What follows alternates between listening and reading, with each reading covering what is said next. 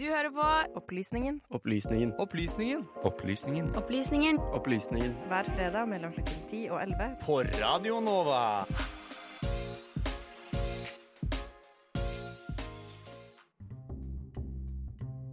Denne uka har det skjedd mye spennende i både innland og utland. Vi i Opplysningen har dessverre bare én time på å snakke om lite og stort i ukas nyhetsbilde. Derfor får du nå på tampen av sendinga fem saker på fem minutter.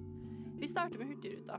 Der det forrige uke ble kjent at selskapet driver sosial dumping på sine cruise i Norge. Og det helt i tråd med norsk lovverk. Gjennom arbeidskontrakter NRK har fått tilgang til, viser det seg at selskapet betaler sine filippinske ansatte helt ned i 29 kroner i timen.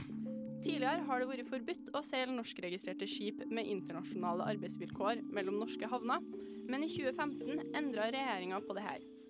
Om et skip stopper i minst to utenlandske havner, står selskapet fritt til å lønne sine ansatte etter internasjonal tariff. Dermed har Hurtigruta starta sine cruise i Hamburg og lagt inn et 25 minutters stopp i Cuxhaven, for så å seile oppover norskekysten med underbetalte arbeidere om bord. Helt lovlig. Fra dårlig arbeidsavtale til dårlig brannmur. Regjeringen anklager Russland for å stå bak datainnbruddet på Stortinget.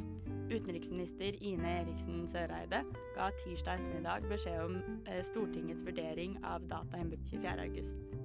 Hun legger også ved at dette er en alvorlig hendelse som rammer vår viktigste demokratiske institusjon. Politiets sikkerhetstjeneste er ikke landet på den samme konklusjonen på nåværende tidspunkt. På onsdag sa Solberg til NTB det er viktig for regjeringen å gi tydelig beskjed til russerne om at dette aksepterer vi ikke. Nå til mer koronanytt. Forskere fra University of Chicago mener at folk som liker skrekkfilmer, er bedre rusta enn andre folk til å takle pandemien vi nå står oppe i. Dette er et resultat av undersøkelser der forskerne har spurt etter favorittfilmsjanger, for så å be informantene ta stilling til påstander som 'jeg har ikke sovet så godt siden pandemien begynte'. Resultatene tyder på at fans av skrekkfilmsjangeren opplevde mye mindre psykologisk ubehag enn fans av andre filmsjangre. Forskerne forklarer at dette kan ha sammenheng med at folk som utsetter seg for mye skrekkfilm, er flinkere til å takle følelser som redsel og angst, og vil dermed håndtere de negative følelsene pandemien bringer med seg, på en bedre måte enn andre folk.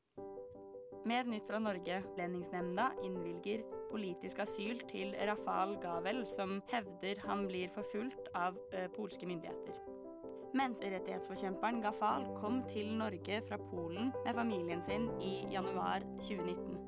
I Polen er han nylig dømt for forhold som skal ha funnet sted for flere år siden, en dom han selv mener er fabrikkert. Utenriksdirektoratet ga han avslag på søknaden om asyl, men etter å ha anket saken, har Utlendingsnemnda gitt Gavel-familien flyktningstatus i et år på bakgrunn av klagerens risiko av forfølgelse ved retur til hjemlandet.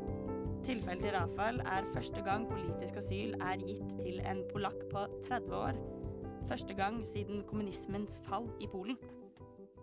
Vi avslutter med mer sjokkerende nytt fra USA. Den svarte mannen Donald Neely saksøker byen Gavelston i Texas og politiet på samme sted. Det skjer etter at Neely ble arrestert av politiet i fjor. Han var på dette tidspunktet hjemløs og sov på gata. Etter arrestasjon festa to politimenn til hest et tau rundt Neelys håndjern, for så å føre han etter seg gjennom byens gater. Dette har i ettertid skapt sterke reaksjoner over hele USA, og mange har pekt på parallellene hendelsen har til slaveriet. Styresmaktene i Gavelsen vil ikke kommentere saken, men politisjefen i byen ytra i fjor at politiet har vist dårlig dømmekraft.